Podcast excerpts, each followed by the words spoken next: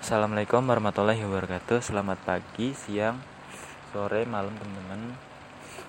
Semoga nggak bosan-bosan dengar podcastku ya. Kalimat pembukanya itu terus ya. Hmm, Aku seneng aja sih. Oke lanjut.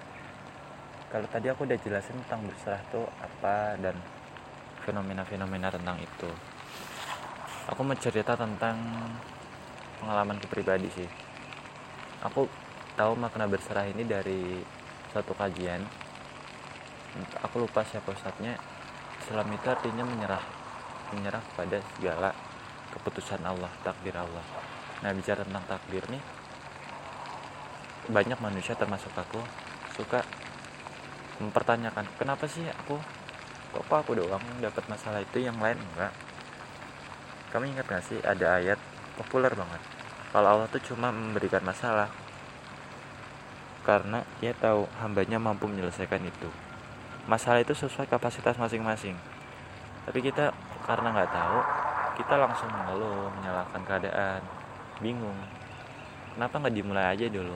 Mulai menyelesaikan masalah. Kalau ada misalnya laporan nih. Waduh banyak banget datanya. Harus mulai ini baca jurnal ini apalagi nyari jurnal susah. Yang tepat itu susah. Kita juga banyak kerjaan yang lebih penting kita. Apalagi prakteknya cuma satu SKS banyak hal yang buat kita ragu. Mau ngerjain laprak dengan maksimal enggak ya? Atau gimana ya gitu. Tolong deh kita coba luruskan mindset. Kenapa sih itu datang pada kita? Jangan GR nggak cuma kamu yang dikasih masalah kayak gitu yang sejenis. Cuma kamu aja nggak tahu. Di luar sana atau temanmu. Laprak itu kan nggak cuma kamu ngerjain tapi teman-temanmu satu fakultas atau jurusan. Masalah misalkan masalah keuangan apa cuma kamu yang menghadapi masalah itu? Banyak orang yang menghadapi masalah itu. Cuma nggak mereka umbar aja. Mereka kesulitan makan mereka sulit buat nyari uang mereka harus fokus sekolah. Kalau kamu kuliah mungkin kamu identik sama namanya beasiswa bantuan. Tapi kamu sadar nggak sih? Banyak teman-teman kamu yang nggak dapat beasiswa. Benar-benar cuma ngandelin uang dari orang tua. Ya kalau orang tuanya lancar kerjanya alhamdulillah bisa ngasih. Tapi kalau enggak ya mohon maaf. Mereka harus irit-irit uang yang masih ada gitu. Aku terharu cerita ini. Karena banyak ketika aku sadari teman-temanku ternyata dia nggak asrama. Mereka ngekos. Notabene kos tuh harganya cukup mahal buatku. Harus bayar listrik bayar air bayar beli makanan sendiri minuman sendiri. Ada temen gue kayak gitu. Yang asrama juga ada tapi nggak banyak. Mereka biasanya dapat beasiswa. Tapi beasiswa itu kan ada pertanggungjawabannya. Mereka harus buat sesuatu. Harus buat karya ini buat karya itu. Nggak mudah semuanya itu ada pertanggungjawabannya. Nggak ada sesuatu yang gratis di dunia ini. Ada pertanggungjawabannya. Oke balik lagi ke berserah.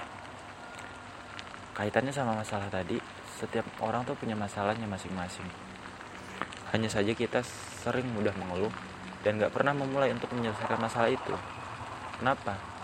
Dia terlalu fokus pada hal-hal Alasan aja orangnya Bilang aja gak mau nyelesain tugas Bilang aja Masalah itu mudah kok kalau kamu mau ngerjain Allah udah jamin masalah itu bakal selesai cepat atau lambat. Penjajahan Indonesia cepat atau lambat? Lambat selesainya. Tapi selesai nggak? Selesai. Selama tiga setengah abad, bayangkan. Kalau udah pakai hitungan abad itu kan berarti lama. 350 tahun. Dari 1600 1600 loh. Saat itu kan masih zaman zamannya kerajaan kerajaan Sriwijaya, Majapahit, Demak dan lain. Aku membayangkan kerajaan itu kayak sebuah kota.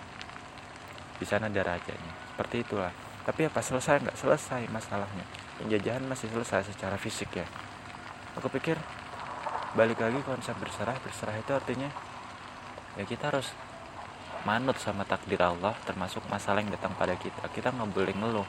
Kita harus terima padanya. Kita harus bertakwa mematuhi segala perintah Allah dan menjauhi larangannya itu aja konsisten istiqomah insya Allah kita bisa bersama-sama masuk surga semoga bermanfaat wassalamualaikum warahmatullahi wabarakatuh